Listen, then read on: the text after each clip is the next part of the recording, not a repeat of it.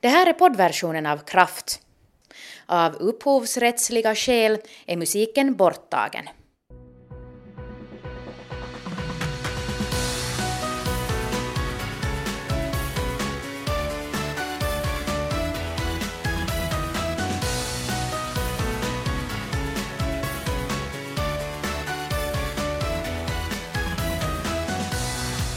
Välkommen med till veckans avsnitt av Kraft som ju är en programserie om hälsa och välmående. Och för att må bra så behöver man ofta en blandning av ansträngning i lämplig mängd och sen återhämtning. Och det är just det vi ska tala om idag, ansträngning och återhämtning. Vi kommer bland annat att få höra hur det kan påverka vår hälsa och våra stressnivåer om vi ofta skjuter fram olika saker som vi borde ta itu med. Och så ska vi besöka det medicinska teamet på Stockholm Marathon och följa med deras arbete bakom kulisserna. Så får vi höra deras tips för återhämtning. Och vi som sitter här i Kraftstudion heter Nanette Marie Forsström och jag heter Kira Schröder. Och i veckans avsnitt av vår historieserie Var allt bättre förr så kommer det att handla om preventivmedlens historia. Kondomer av djurtarmar och fiskblåsor och kineserna använde oljat, inoljat silkespapper till exempel. Och man har använt linnetyg men det gav så förfärliga skavsår så då fick man hitta på någonting annat. Mm, vi hör barnmorskan Åsa Enervik ge fler obekväma eller äckliga exempel på historiska preventivmedel till sist i den här sändningen. Men nu ska vi tala om någonting som kan påverka hur mycket stress vi känner i vardagen och hur mycket tid vi har för återhämtning från jobbiga uppgifter. Nämligen prokrastinering, det vill säga att medvetet skjuta upp saker som man borde göra. Det här är ett vanligt scenario för många morgontrötta. Väckarklockan ringer men man trycker på snusknappen och sover vidare och vidare. Så många gånger att man till sist får en betydligt mer stressfylld morgon än om man hade stigit upp genast. Det här kan ses som en form av prokrastinering. Ett ord som psykolog Alexander Rosenthal förklarar så här. Prokrastinering är att medvetet skjuta upp någonting som eh, man vet att man borde göra och trots att man vet att det här kan leda till negativa konsekvenser. Så att det är en form av eh, förhalande av viktiga uppgifter kan man säga. Alexander Rosenthal är psykolog och doktorand i klinisk psykologi vid Stockholms universitet och har tillsammans med journalisten Lina Wennersten skrivit en bok om prokrastinering. Ett ämne som han också utbildar både psykologer och privatpersoner i. Så här säger han om vilka effekter prokrastinering kan ha på hälsan.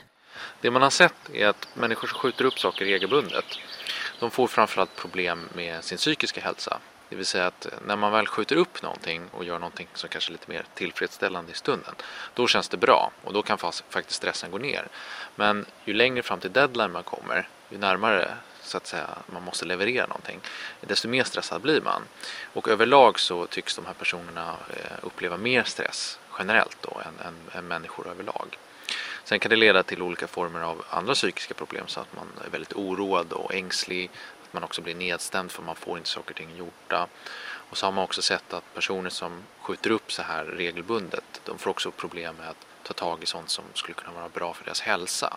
Det vill säga att man är, har svårt att följa läkarens ordination, man tränar inte som man ska, man går inte till, eh, till, till sjukhuset till exempel om man mår dåligt. Och då kan man ju få massa typer av svårare fysiska problem. Vad kan man göra för att minska prokrastinering? Ni kommer med en massa tips i boken. Mm. Det finns ju ett par olika saker som har visat sig vara effektiva. Framförallt handlar det om att man måste bryta ner större mål i mindre delar. För generellt sett så brukar vi människor sätta upp ganska stora övergripande mål. Vi ska ta tag i projektet, vi ska börja plugga eller vi ska ta tag i träningen. Men Problemet med det är att det är, det är ganska vagt ställda mål så att vi kan skjuta hela tiden på deadline för när vi ska börja det är ett stort utrymme för ursäkter och undanflykter. Så om vi gör de här målen mer konkreta, det vill säga att vi, vi specificerar dem så tydligt som möjligt, då finns det ett mindre utrymme för att eh, hitta på andra saker än vi borde. Och samtidigt måste vi då dela in de här större målen i mindre delar så att det blir lättare att ta tag i varje enskild del. Mm. Så att man inte har det här jätteberget med uppgifter som, som ligger och tonar upp framför mm. en. Kan du ge något konkret exempel, någon uppgift hur man kan bryta ner den i sådana här mindre mål? Ja, om vi säger att man kanske nu under sommaren har tid över till att eh, rensa vindsförrådet eller göra någonting hemma då. Ehm, då kanske det känns väldigt jobbigt och man måste ta sig upp där på vinden, det är jättemycket saker, man vet inte, ska man spara allting eller inte? Då skulle det kunna vara en bättre idé att, att försöka stolpa upp det här i mindre delmål. Att man först kanske måste inhandla flyttkartonger och börja i den änden så att man har någonting att lägga sakerna i. Sen ett annat delmål skulle kunna vara att man eh, tar eh, itu med det här vindsförrådet i en timme och börjar i ett hörn till exempel och sorterar och rensar för att sen gå vidare till nästa hörn. Så att man hela tiden gör de här målen så, så enkla som möjligt för sig själv för då krävs det inte lika mycket motivation för att sätta igång. Solen skiner, fåglarna kvittrar och ute på de gröna gräsmattorna framför psykologiska institutionen vid Stockholms universitet där jag träffar Alexander Rosenthal sitter studerande i klungor och pratar. Det här vädret är som gjort för att kasta av sig skorna och skjuta upp sina plikter. Men istället låter vi Alexander Rosenthal berätta vilken sorts mål som är bäst för att undvika prokrastinering. Egentligen går det ut på en sak, det ska vara konkret. För att ju mer konkret vi gör ett mål desto mindre blir utrymmet för ursäkter. Så istället för att säga till sig själv att ja, men jag ska städa det där vindsförrådet, punkt. Så ska man kanske formulera det som att ja, men på måndag klockan 13.00 då ska jag städa i en timme i vindsförrådet. Då har man gjort det mycket mer specifikt. Mm. Och då är det också tydligare när man har gått över den här deadlinen måndag klockan 13 om man inte har gjort det. Precis, det blir tydligare när deadline infaller vilket gör att vi inte skjuter på lika mycket. Men sen blir det också tydligt när vi är klara med något. Mm. Och den typen av återkoppling missar vi annars. Det vill säga att det blir väldigt diffust. Har jag gjort det här jag ska? Har jag inte gjort det? Och det är väldigt viktigt för får vi ingen återkoppling då får vi inte heller någon känsla av att vi har klarat något och, det kan kännas mindre belönande i sådana fall. Mm. Så att vi behöver den här tydliga återkopplingen för att kunna sätta igång och jobba. Ni skriver också i boken att, att det skulle vara bra att belöna processen, speciellt när det gäller större och längre projekt och inte bara när man har nått målet. Mm. För det vanligaste misstaget är att vi belönar oss själva när vi är klara med någonting. Och är det ett väldigt stort mål, ett stort projekt, då infaller ju inte belöningen förrän kanske om tre månader eller ett år eller vad det nu kan vara. Och för att vi ska hålla oss motiverade under hela den tiden, då behöver vi någonstans ha små former av belöningar för att våra arbetsprestationer, våra insatser ska kännas tillfredsställande i sig. Och då kan man behöva dels bryta ner det här stora målet i mindre delar och belöna varje enskilt delmål. Men också att man belönar sig själv för de insatserna man gör kontinuerligt. Så efter en arbetsdag att man faktiskt gör saker som man tycker är roligt, som handlar om det sociala eller eh, att aktivera sig ute med något fritidsintresse. Vad kan man göra om prokrastineringen beror på orkeslöshet eller brist på energi? Mm. Den vanligaste anledningen till att folk skjuter upp saker är för att de upplever att de är för trötta för att sätta igång. Så det tycks vara en av eh, de vanligaste eh, fallgroparna ifall man ska ta tag i någonting. Och oftast beror det på att man skjuter upp något så pass länge att, att man försöker ta itu med det i elfte timmen när man inte egentligen orkar. Så att sitta på natten och, och göra uppgiften är ingen bra idé. Då har vi inte energi nog. Och då kan man behöva fundera på ett par olika saker. Dels det här med när utför man uppgiften? För om det är svårare uppgifter som kanske kräver lite mer problemlösning, kreativitet och så vidare. Då ska man helst lägga det när man jobbar som bäst. Och för de flesta människorna är det på förmiddagen om man är morgonmänniska. Sen kan man också fundera på att inte sitta alldeles för länge i ett arbetspass. Det vill säga att man ska inte sitta tre timmar och jobba på sin uppgift utan man ska helst sitta maximalt en timme och sen ta en paus. För risken är annars att vi inte har energi nog att orka hela vägen. Och likaså att man funderar på Eh, om man skulle kunna lägga upp arbetet så att man gör det lite tråkigare eller så att säga mer rutinartade uppgifter på, på senare på dygnet när man inte har lika mycket energi för att göra det här svåra. Åtminstone upplever ofta jag att det svåraste är att komma igång och sen när man väl har kommit igång så tar tiden slut ibland för att det har tagit så lång tid att komma igång kanske. Just det, precis. Och den där processen kan ju vara ganska svår. Ehm, det vill säga att, att eh, man omger sig redan från början av allt för mycket som stör en och så sitter man upp med en uppgift som är väldigt tråkig eller obehaglig på något sätt. Och då tar det ju ganska lång tid innan man kan komma igång och som du säger då kanske tiden hinner rinna ut. Men där är ju tipset att då ta bort så många distraktioner som möjligt så att den tröskeln inte finns där. Men sen också att faktiskt tvinga sig sitta med sin uppgift i liksom ett förutbestämt antal minuter. För mm. oftast är det det som får bollen i rullning, att man tar sig över den eh, uppförsbacken. Och det kanske handlar om fem minuter, en kvart eller så. Eh, för det blir mycket enklare att ta sig an det än att ja, nu ska jag sätta mig ner och ta mig an hela uppgiften som kan kännas väldigt stor. Ni skriver också i boken om, om att man ska göra skillnad på återfall och, och bakslag om man inte lyckas riktigt nå sådana mål man har ställt upp. Var, varför är det viktigt? Vad, vad är skillnaden? Mm. Skillnaden är viktig för att de flesta människor tänker sig nog att det är samma sak. Att har man misslyckats med något en gång så betyder det att man har misslyckats helt och hållet. Och det är ofta så det känns. Man har kanske tagit sig an en uppgift eller bestämt sig för att förändra något hos sig själv och så går det bra ett tag men så stöter man på det där första hindret och då känns det som att man är tillbaka på ruta ett. Och om man då tillåter sig själv att, att se det här som ett bakslag och med det menas alltså någonting som bara händer kanske en gång, en temporär tillbakagång. Då är ju eh, sannolikheten mycket större att man kan ta sig upp på banan igen. För att ja, men det här har hänt, men jag kan lära mig någonting av det och så kan jag ta mig vidare. Men om man ser det som ett återfall, det vill säga något som är permanent, något som innebär att man helt och hållet har gått tillbaka där man började. Då är motivationen ganska låg att ta sig upp på banan igen och då kanske man struntar helt och hållet med att, att fortsätta kämpa med, med det man har föresatt sig att göra. Så den här skillnaden är väldigt viktig om man ska lyckas med en förändring. Mm. Och är tanken då också i det här återfallet att man liksom tänker att man måste göra allt arbete på nytt, att du har hela vägen kvar att gå som du redan har gått? Ja, för man brukar prata om eh, en, en, en slags bakslagseffekt här. Att, att om man upplever ett hinder så, så känns det som att oj, men nu är jag tillbaka på ruta ett, jag måste göra allting mm. på nytt. Sådär. Men egentligen så innebär det att, att man bara har gått tillbaka ett steg eh, och att det kanske är lättare till och med att ta sig upp på hästen igen. Eh, man behöver inte gå tillbaka och börja från början. Men det kan lätt upplevas så och det gör ju också att vi inte känner oss tillräckligt motiverade att, att ja, men hoppa upp på den här uppgiften igen.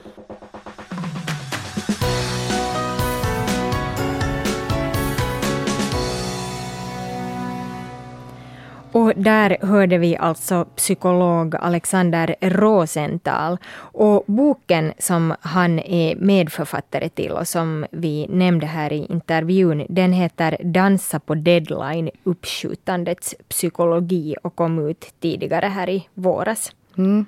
Jag tycker det var ett bra tips det här med att skjuta upp rutinmässiga uppgifter till senare på dagen när man är sådär trött och inte kanske orkar starta upp några sådana mer kreativa processer. Och det är faktiskt en strategi som jag själv har använt, så det där, den kan jag bara rekommendera. Det som jag inte däremot eh, är så bra på och det som jag inte har gjort är just det här att bestämma att i morgon klockan ett så då städar jag vindens högra hörn. Och det, där, det tror jag att många skulle ha nytta av. Och då skulle man kanske just komma över den här tröskeln att det blir en sån där jättestor grej som man vet att tar hela dagen om man just delar in det i en sån här väldigt konkret liten del som man gör en viss tid. Jag har ju då faktiskt testat en sån här applikation för smarttelefonen som vi gör i, i varje sändning av Kraft. Um, och den handlar då just om att man ska komma bort från sitt uppskjutarbeteende. Och den är utvecklad av, av den här, bland annat den här mannen vi hörde tidigare, Alexander Rosenthal. Uh, appen kallas för Tidsfabriken. Och det där, um, den går då ut på att, att man gör olika uppgifter som, som på olika sätt ska då hjälpa en att förbättra ens arbetsprocesser. Um, och, och, det, där, det är ganska så här mångsidigt material. Uh, både föreläsningar, artiklar och, och, olika uppgifter. Och sen efter varje uppgift så då, då får man liksom skriva en kommentar och ta en bild och, och så här, vad man, vad man tyckte om det. Och så finns det liksom en, en möjlighet för andra också att kommentera och diskutera. Uh, det har jag tyvärr inte sett så jättemycket av. Det kan ju hända att det beror också på de som råkar vara med just nu. Om jag har förstått det rätt så är det så att det, det fungerar som en, lite som en distanskurs, mm. att man har ett visst datum som en grupp tillsammans börjar och sen håller man på, jag vet inte hur länge. Ja, det är. det är tre veckor som det här programmet är och det är ju på det sättet en lite annorlunda app. Uh, och, och, det där, jag har fått hoppa in lite så här i mitten av, av kursen. Uh, nästa kurs så startar på, på hösten, det där, den 25 augusti kan jag, kan jag det där, tipsa om. Um, de här uppgifterna som man får göra, så det kan vara att till exempel arbeta ostört i 30 minuter eller ta en paus på fem minuter eller fundera över vad för saker som distraherar en och, och göra en lista på dem. Um, och det där... Um, efter varje uppgift så får man ett meddelande som sen guidar en vidare, så man känner sig så här väl omhändertagen. Och, och det är en väldigt, på det sättet, väl utvecklad app. Men det där... Um, det som jag tyckte att var, var bra, eller det som jag själv la märke till och nog har tänkt på tidigare, är att jag sysslar väldigt mycket med sån här multitasking, det vill säga att jag gör flera saker samtidigt. Jag kan till exempel inte sitta och lyssna på en intervju som jag ska editera utan att samtidigt googla någonting eller, eller skriva någonting eller så här. Och, och det gör ju ofta att jag hamnar att göra saker flera gånger. Och man känner helt i huvudet att man blir så här snurrig av det här beteendet. Men jag på något sätt kan inte riktigt hålla mig ifrån det. Mm. Uh, och det där, uh, det hade faktiskt den här Alexander Rosenthal en liten föreläsning om i den här appen som jag då lyssnar på. Och där jämför han en multitaskande arbetsdag med en shoppingrunda på stan och berättar hur uttröttande sånt här beteende de facto är för hjärnan. Problemet med distraktioner är att de får oss att tappa tråden när vi jobbar, vilket i förlängningen försämrar vår prestationsförmåga. För många distraktioner och för lite återhämtning innebär att vi kör slut på hjärnans förmåga att koncentrera sig. Det leder till att vi får allt svårare att bibehålla vårt fokus när vi jobbar. Samtidigt som vi blir trötta i huvudet. Ja, där hörde vi Alexander Rosenthals röst tona ut. Uh, och det är de facto så visar, visar forskning att man borde koncentrera sig på en sak i taget. Det är både effektivare och det är skonsammare mot din hjärna. Uh, sen tänkte jag ännu säga om den här appen att många av de där sakerna som det pratas om där är ganska självklara. Men det är kanske lite samma som när en konsult kommer till en arbetsplats och håller ett en föreläsning eller en workshop om teambuilding eller någonting sånt här. Och det är egentligen inte vad de säger, det vet man redan, utan det är kanske det att man liksom tänker på de här sakerna och man tar en viss distans till dem och, och funderar på hur man kan ändra sina arbetssätt som är det viktigaste i det. Mm. Och, och, för den som då är intresserad av att uh, bli av med sin prokrastinering så uh, kan gå in på psykologifabriken.se. I augusti börjar nästa program.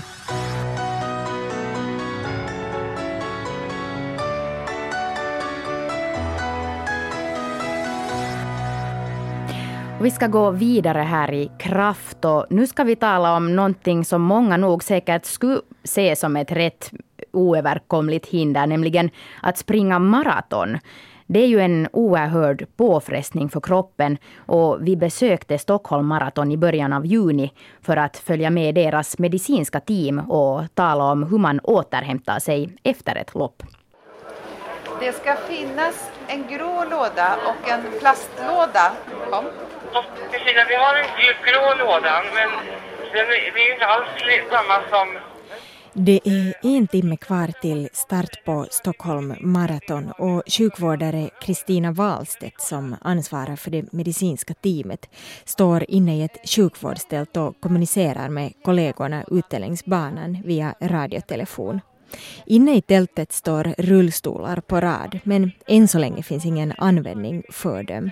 Så här innan loppet handlar det medicinska teamets jobb om förebyggande arbete. Vi förebygger att de inte ska bli dåliga när de springer. Och eh, vi, om de blir dåliga ute efter banan så tar vi hand och hjälper löparna där också. Det som vi gör just nu är att vi hjälper dem med förhindra skavsår och, och plåstrar om bröstvårtor och så. Det medicinska teamet undersöker också löpare som misstänker att de håller på att bli sjuka för att se om de ska starta eller inte, berättar läkare Lars Fransén. Det som jag gjort mest annars idag det är ju när man tittar i halsen på folk och avråder ifall de har något tecken på infektion då, för då, man ska inte springa om man inte är i toppform naturligtvis.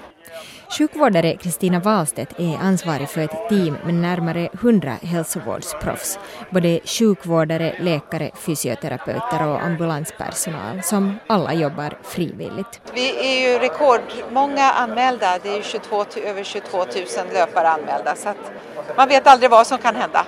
Vilka är de vanligaste skadorna eller medicinska problemen som ni ser och, får ta emot här under loppet? Eh, skavsår. Skavsår och kramp i musklerna.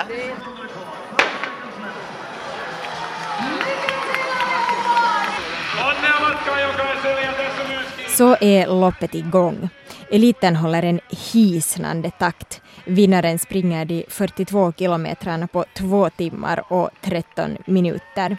Vid sjukvårdstältet vid 36 kilometer märker man att många är trötta så här några kilometer innan mål. Så här säger läkaren Göran Kendorf om vilken fysisk prestation maraton är. En stor påfrestning, enormt. Ja, men det är 42 kilometer. Har man inte tränat tillräckligt då kommer man att känna det mycket snabbt på det här loppet redan efter första varvet. Va? För det är ju det är ungefär runt 21 kilometer. Det är mycket. Hur vet man när man ska ge upp? För det är ju tungt. Och det ska väl Ja, vara lite tungt? Det är individuellt, det kan jag säga. Vi hade en nu som passerade som kollapsade här borta som vi såg redan här att, men han ville inte vidkänna oss. Men han orkade inte så 300 meter bort så la han av. Så ni Alltså, det- försökte säga att han Ja, man ser på dem då, va, de som inte är riktigt, för de är stela, de tar sig inte fram. Tittar man här så är det ganska bra ändå. Folk stannar och går nu när de dricker, men så fort de har druckit så ska de igång igen. Va. De får inte stanna för länge för då stelnar musklerna så får de kramper. Va. Det är jättejobbigt. Va. Så det är viktigt att hålla igång hela tiden. Eh, för börjar man stanna då stelnar man till direkt. Och då har man ett motstånd som är enormt. Vad gör ni med sådana som den här som kollapsar här nu? Ja, han måste, framförallt så är det vätska. Det är svårt att börja.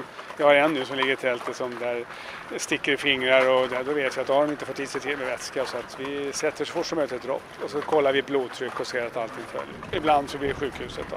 Vad ska man tänka på efter ett sånt här lopp då? För att Vätska, återhämta värme. Om det, om det är sånt här väder så ska man se att man håller sig varm. Då. Det är jätteviktigt. Duscha och, och varva ner. Och varva ner kan man göra på många sätt genom att gå och sådär. Sätta sig brukar vara. Är många ger bara upp och bara sätter sig med helt slut och det förstår man ju för det är en lång sträcka men att verkligen varva ner. Va? För det är en stor påfrestning för kroppen. Och musklerna har utsatts för en enorm påfrestning.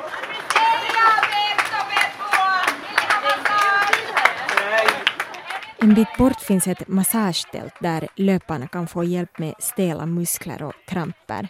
Morgan Axelssons företag har tiotals massörer och fotvårdare på plats här och i målet. Och det vi gör då, vi behandlar folk som kommer att ha, ha kramper och inte kan fortsätta. Vi tejpar fötter, vi hjälper dem med, med skavsår och så hjälper vi dem med, med massage efter loppet. Just för att få en snabbare återhämtning.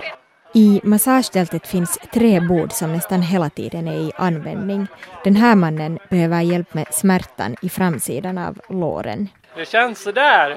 Det känns åt helvete med tiden. Eh, Jag hade tänkt mig en bättre tid men eh, jag insåg ju ganska snabbt att det kommer inte gå något bra. Så jag har eh, sprungit därefter. Gått och sprungit därefter.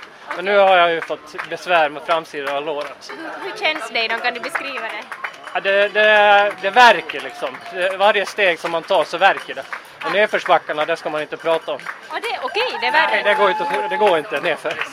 Då slår man sönder musklerna. Liksom. Ja. Det låter som att du har sprungit förr, du vet vad du talar om. Ja, precis. Jag, jag har säkert sprungit en 10 maraton så att, eh, Okej. det här är ju den sämsta gången jag har sprungit. Men du ska inte ge upp ännu? Nej, det ska jag inte. Ja, där gör det ju skitont. Det sitter jättehårt här. Jag gör så jävla ont här alltså. Nej, det tänker jag. Jag tänker inte ge upp. Det är ju bara 7 kilometer så där ska jag ta mig i mål. Den där, den där är inte...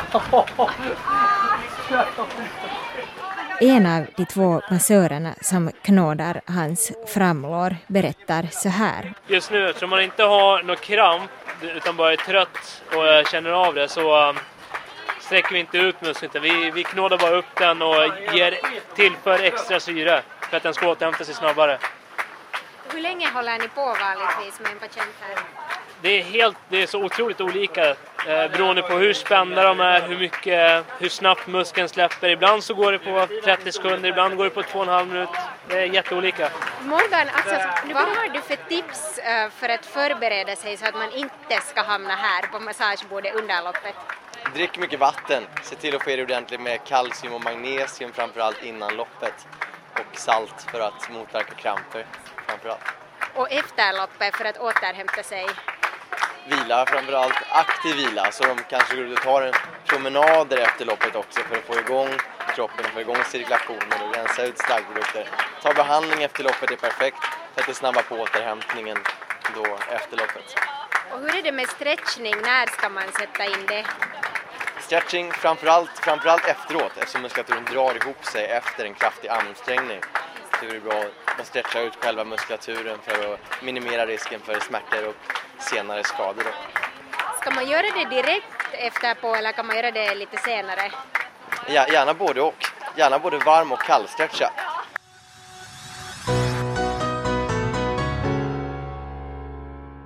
På svenska.yle.fi kraft så kan ni se hur det var efter det här Stockholm Marathon när vi frågade några som hade genomfört den här prestationen om deras bästa tips för att återhämta sig. Mm, lite videomaterial där alltså.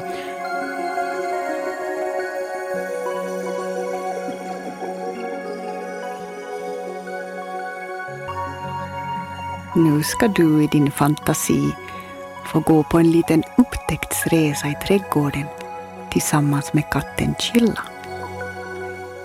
Men shh. Först måste vi vara riktigt tysta. För Chilla ligger ännu och sover i solljuset där framför fönstret. Så här låter det alltså i Folkhälsans avslappningsövning för barn om katten Chilla. Och Chilla kallas också Folkhälsans program för att lära barn att slappna av och varva ner. Och vi har med oss Erika Fågelberg som är projektledare i Österbotten och har hand om det här programmet Chilla. Välkommen Erika. Tack, tack. Kan du berätta, vad går Chilla ut på? No, Chilla är egentligen ett praktiskt material med olika avslappningsövningar som pedagoger eller andra vuxna som jobbar med barn kan använda i sitt arbete i barngrupper. Och vi har egentligen två olika för tillfället, två olika Chilla-material. Vi har ett Chilla som riktar sig mera till skolbarn och ett Lilla Chilla som då har målgruppen barn under skolåldern. Mm. Kan du berätta lite mer om de här övningarna? Vad, vad går de ut på? Alltså egentligen är alla chilla övningar har fokus på att du ska hitta en lugn, skön känsla i din egen kropp och bli avslappnad och må, känna välmående. Vi har olika övningar i, i båda materialen. Uh, eh, andningsövningar, uh, avspänningsövningar, där var man spänner muskler för att sedan veta hur det känns i en kropp då man, kroppen är avslappnad. Sedan finns det fantasiresor där man bara får ligga och lys lyssna på, på en berättelse. Det var den här chillakatten just. Sedan har vi med lugn pausrörelse, för vi tycker att rörelse också är återhämtande. Och sedan en viktig del i båda materialen är också kompismassage. Varför behövs chilla? Egentligen så svarar vi på en efterfrågan då vi började utveckla det här chilla-materialet. Det var, jag kom i kontakt med många lärare som, som sa att jo, vi jobbar jättemycket med fysisk aktivitet, men hur ska vi få barn att slappna av? Mm. Och på den vägen så började vi utveckla det här chilla-materialet först då med fokus på skolbarn. Och då vi sedan började sprida det materialet så kom det fort röster från, från dagispedagoger som sa att vi behöver också chilla i dagis. och vi, vi, tycker ju att, att det här har effekter både på individnivå så att alla barn får ladda batterierna och känna en sån här lugn och ro-känsla i kroppen och sänka pulsen och lära sig att lyssna på sin egen kropp. Men det som vi kanske mest har fokus på är att, att det ska vara lugnare på gruppnivå. För att det ska bli lugnare klimat och barnen ska ha lättare att koncentrera sig. Du kommer bättre överens med andra om du är lugn och trygg i din egen kropp. Hurdan uh, feedback har ni fått på, på det här programmet? Jag tycker vi har fått bra feedback. Uh, överraskande är att så många barn tycker om det här. Hemskt lite motstånd bland barn som inte skulle, skulle vilja chilla utan, utan jag har på något sätt sitter som en sån här win-win situation där var elever då tycker att det är skönt att få ett litet avbrott i lektionen och lärare tycker att de vinner den stunden, de minuterna det tar att göra en chillaövning. så, så vinner de att eleverna orkar koncentrera sig mer och det är lugnare i klassen efteråt.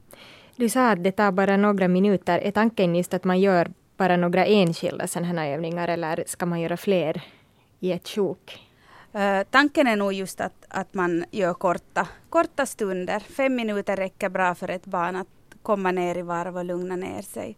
Så man ska definitivt inte hålla på en hel timme med, med att chilla. Vi behöver, behöver mycket livfullhet och rörelse och glädje och upptempo också bland barn. Men det, det är då vardagen blir bara bråttom toppar, där vad vi hoppar från är bråttom, bråttom till nästa bråttom, bråttom och vi aldrig kommer ner i varv som, som jag tycker att de här chillaövningarna är så bra. Hur är det då om föräldrar som hör det här eh, får lust att pröva hemma? Är det någonting som man kan göra också hemma med familjen eller, eller funkar det bäst i klass?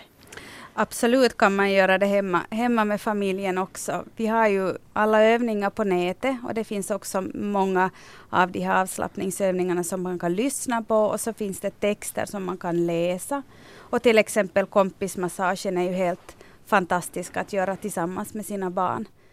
Jag har faktiskt ett sådant jättehärligt exempel på en sån här föräldra, föräldra-barn situation där vi hade en, en sån här familjegrej där var barn och föräldrar kom tillsammans och vi hade en workshop kring chilla. Där var vi bland annat gjorde den här, en handmassage och där var en mamma som berättade att redan då vi började så sa hon att, ja, att min pojke kan sedan aldrig slappna av. Att, så det hade som en känsla av att det här kommer sedan inte att lyckas. Och så satt vi oss ner och, och vi började med den här handmassagen och det var helt jättemagiskt att se den här pojken som, som först satt lite på nålar och den här mamman satt och masserade och sedan efter att de här minuterna gick så bara sjönk han ihop och till sist satt han bara och blundade den här pojken och den här mamman signalerade åt mig att det här är helt otroligt. Och sedan bytte de så den här pojken också fick, fick massera sin mamma och han var hemskt sådär mån om att det skulle vara lika skönt för mamma som det var för honom. Så hon sa sedan efteråt, oj tack. Tack så jättemycket Erika Fågelberg, projektledare i Österbotten på Folkhälsan för att du har berättat om Chilla här i Kraft idag. Tack, tack.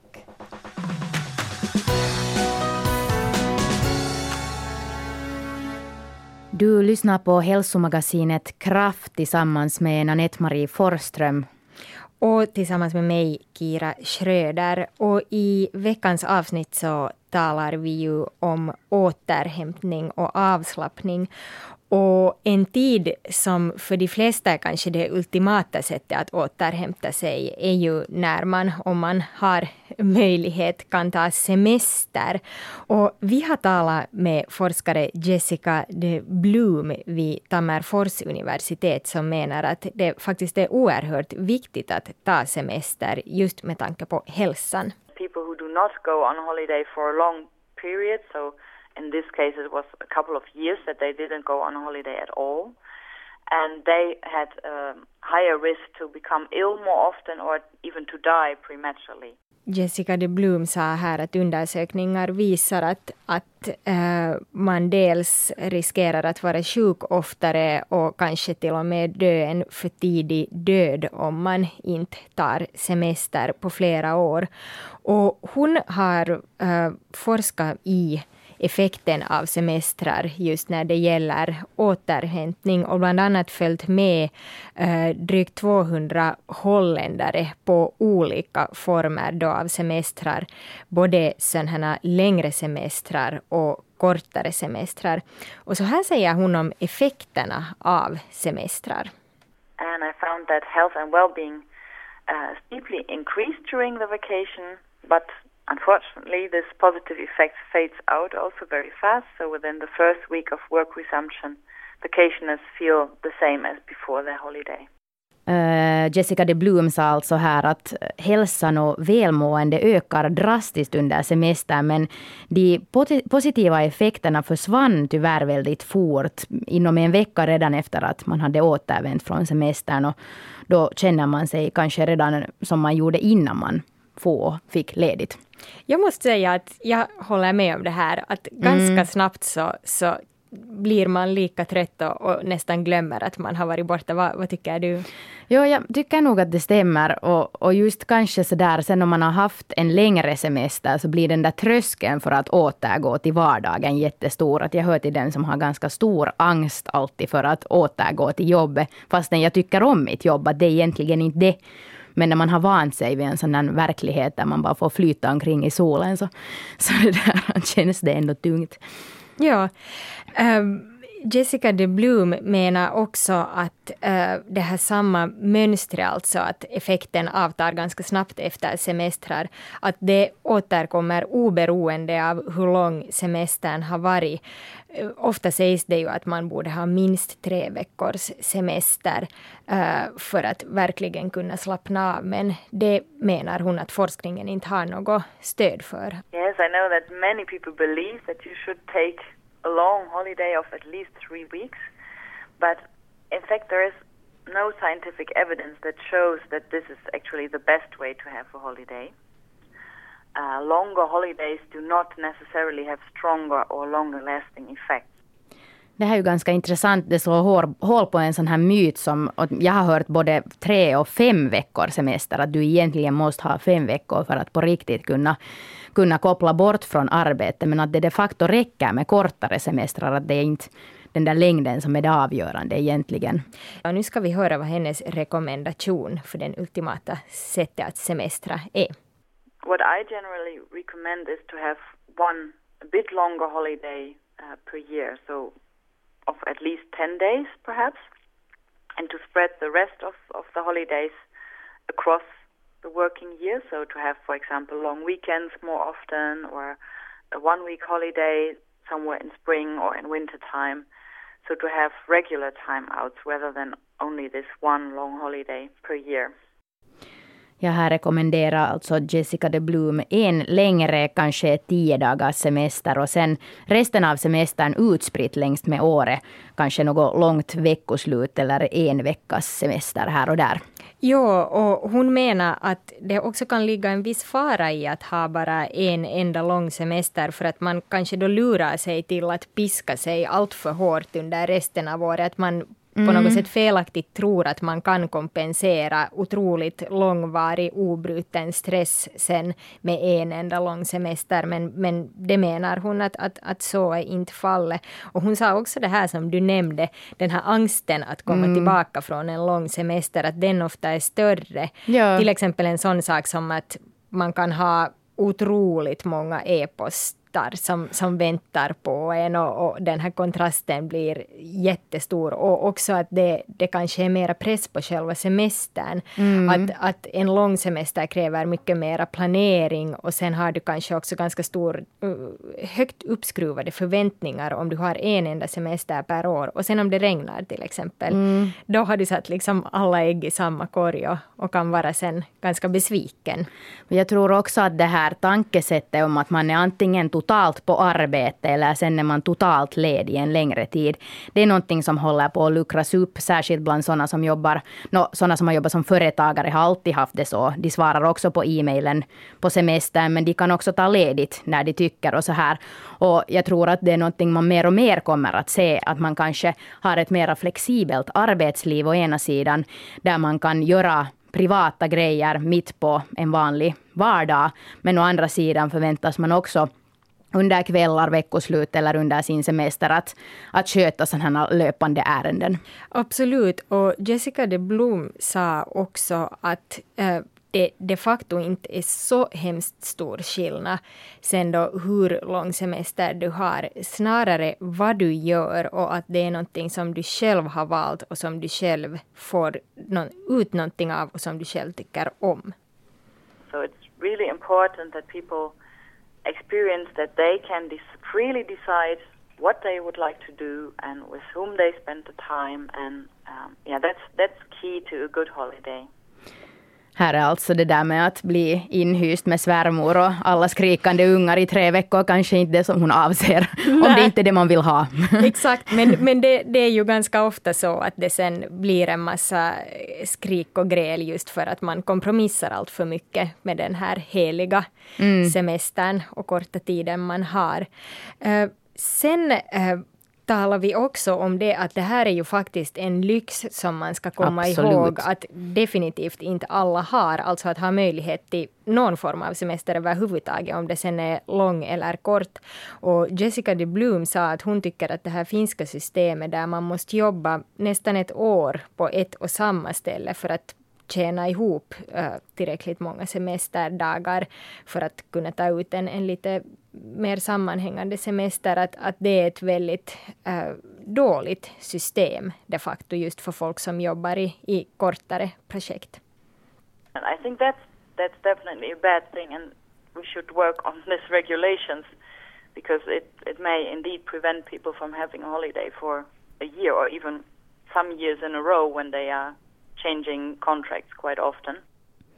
Mm, just när man byter kontrakt så kan det ju hända att att man inte får ha semester på, på ett år och så här. Och jag tänker också på alla snuttjobbare, alltså som blir allt vanligare och projektanställningar och sånt här. Uh, att man kan gå hur länge som helst utan att egentligen tjäna in den där semestern. Samma gäller, alltså jag känner folk som har jobbat sedan de var 15 på mm. sommarjobb och annars gått till skola hela tiden. Sen har de börjat studera, jobba veckosutkvällar och inte haft någon semester på kanske upp till tio år. Ja, jag, jag vet också många sådana. Det, det är faktiskt hemskt. Uh, Jessica de Bloom menar ändå att även om hon tycker alltså att det här är väldigt, väldigt dåligt uh, och att man ska försöka ta semester så om man inte kan, om man inte har möjlighet så ska man ändå försöka utnyttja den lediga tid man ändå har när man jobbar, dels under arbetsdagen och dels på veckoslut och kvällar. I think it's um, really important to um, to consciously um, make use of the free time you have. So to to really take breaks during the workday, um, and perhaps adapt your working time so that you can start earlier, but also uh, quit working earlier on that day. Um, have nice short holiday trips just only on Saturday, Sunday. Ja, här hörde vi Jessica de Blum som har forskat i semestrar som sa bland annat just det här att, att om man inte kan ta semester så kanske man kan ta några timmar på eftermiddagen eller, eller åtminstone göra det mesta av, av det lilla man har, veckoslut någonstans eller så här. Vi hoppas att alla har någon möjlighet att återhämta sig, om inte på en lång semester så i alla fall efter arbetsdagen.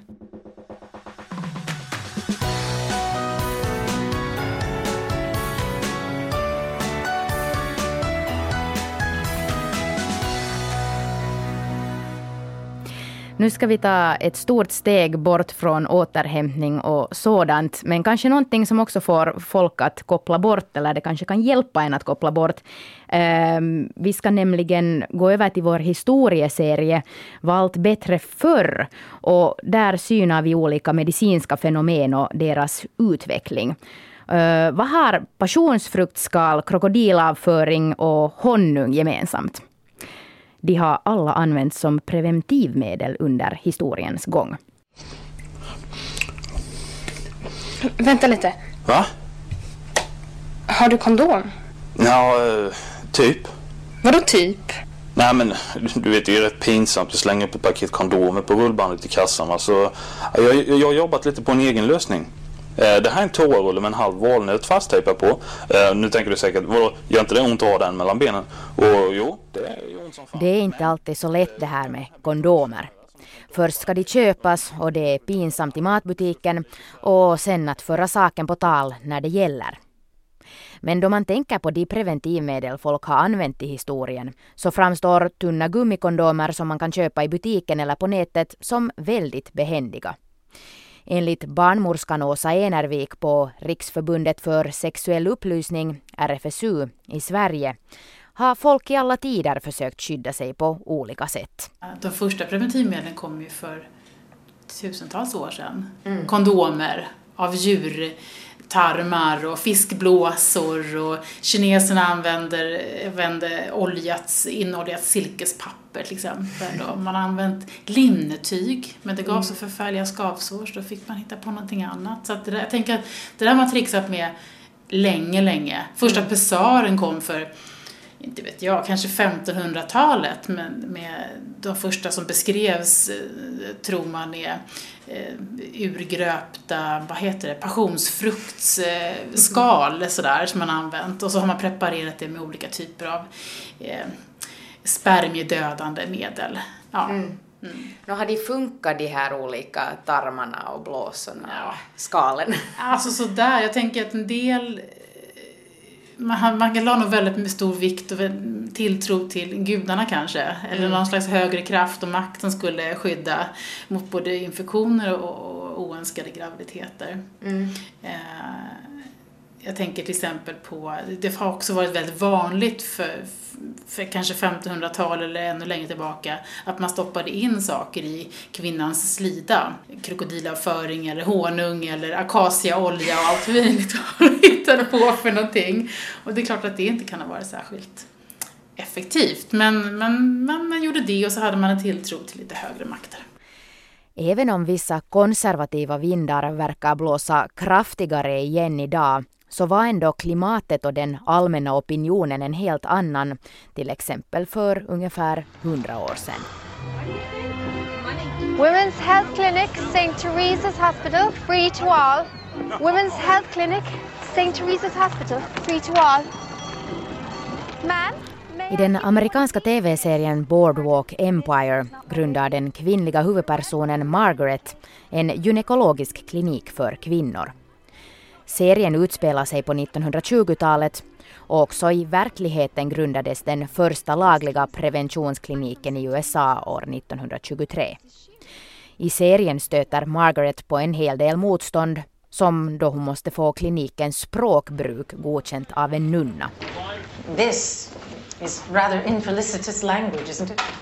Vagina. It is a medical term. I've never enjoyed the sound of it. What term would you prefer? The entire area is problematical.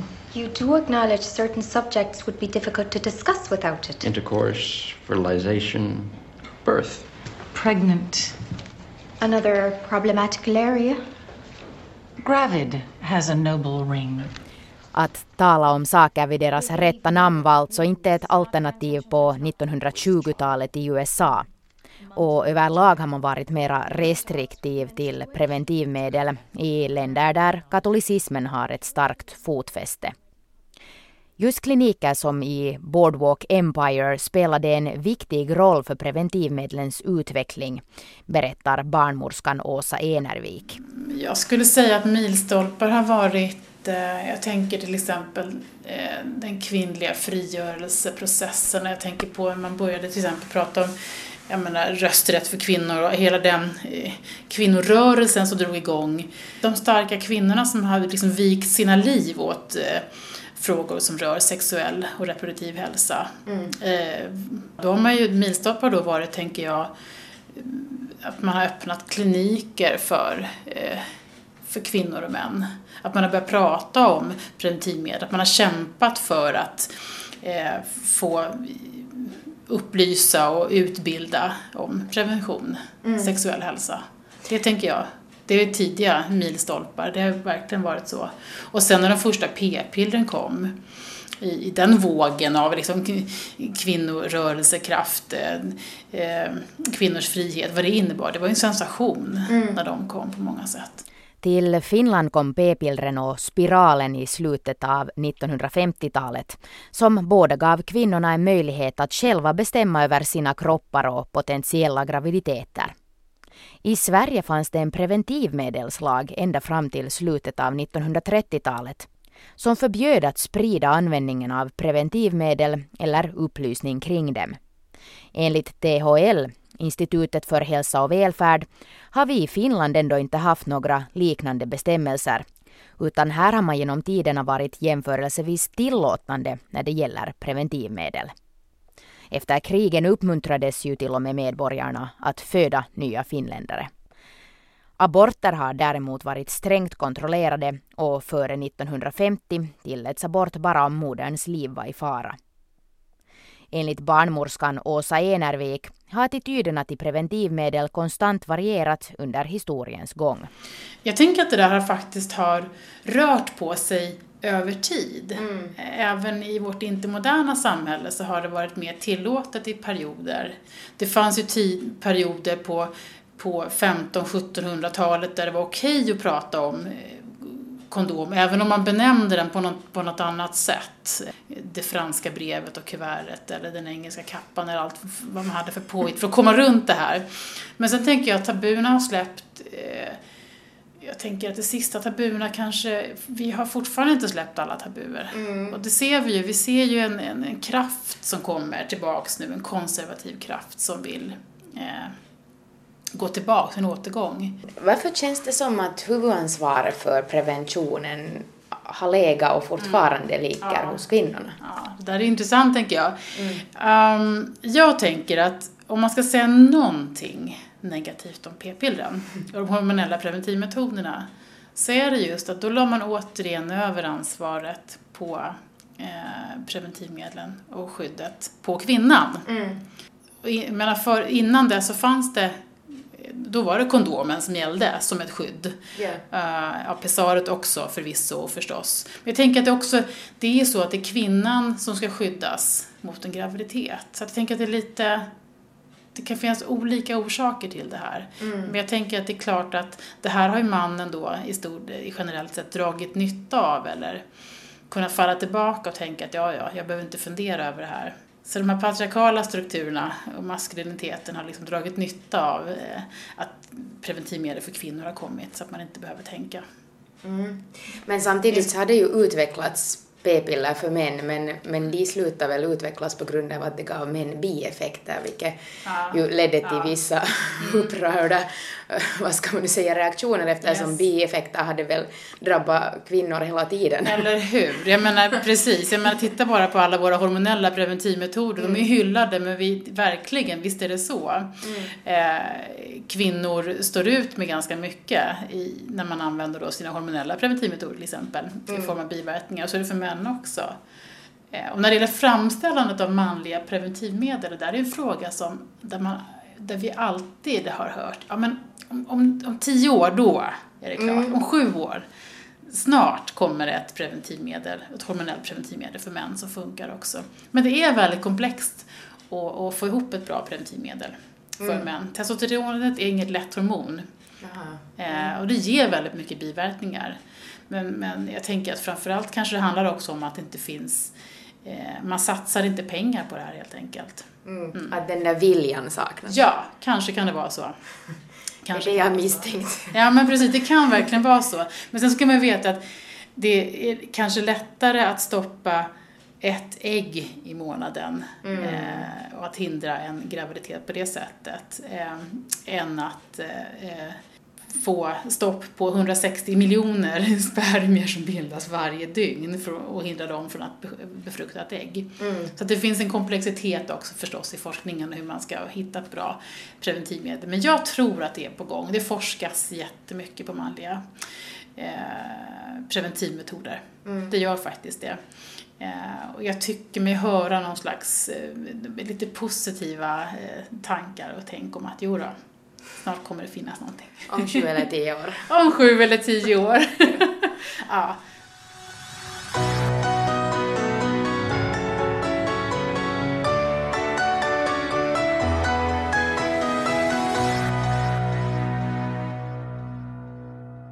Vi hörde alltså barnmorskan Åsa Enervik på RFSU i Stockholm. Man kan ju verkligen hoppas att hon har rätt med det här manliga p-pillret. Det skulle mm. vara en bra utveckling tycker jag. Det skulle om det vara äntligen dags. skulle fås till stånd. ja. Just det, ja. Dessutom så uh, tyckte jag det var ganska intressant det här med att vi att de i Sverige har haft en preventivmedelsförbudslag och inte har fått göra PR för preventivmedel i början av 1900-talet. Och att vi inte har haft det här. Att, vad kan en sån sak bero på? För vi är ju inte katoliker i det här landet. Eller svenskarna är inte katoliker. Det skulle kunna vara en förklaring. Just att katolicismen har ju ofta varit mer restriktiv till, till preventivmedel. Men att hade då bara varit ett annat samhällsklimat. Ja, verkligen intressant för man uppfattar ju ändå oftast Sverige som mera frigjort på alla mm. sätt och kanske också just på, på den här fronten. Men, men bra att det inte har funnits en sån lag i Finland. ja. Jag. Och sen då gällande det här med hur vi uppmuntrades, eller finländarna uppmuntrades att föda barn efter efter krigen så var det en ganska intressant episod i den nya biografin om Tove Jansson, där hon står och målar vid Uspensky-katedralen efter då något av krigen och, och, det där, så kommer det en man fram till henne och säger att hör du fröken, att du ska gå hem och föda barn och inte stå här och slösa tid på sånt där. Oj nej, tur att hon inte lydde honom. det kan vi kanske säga så här nu i efterhand. ja.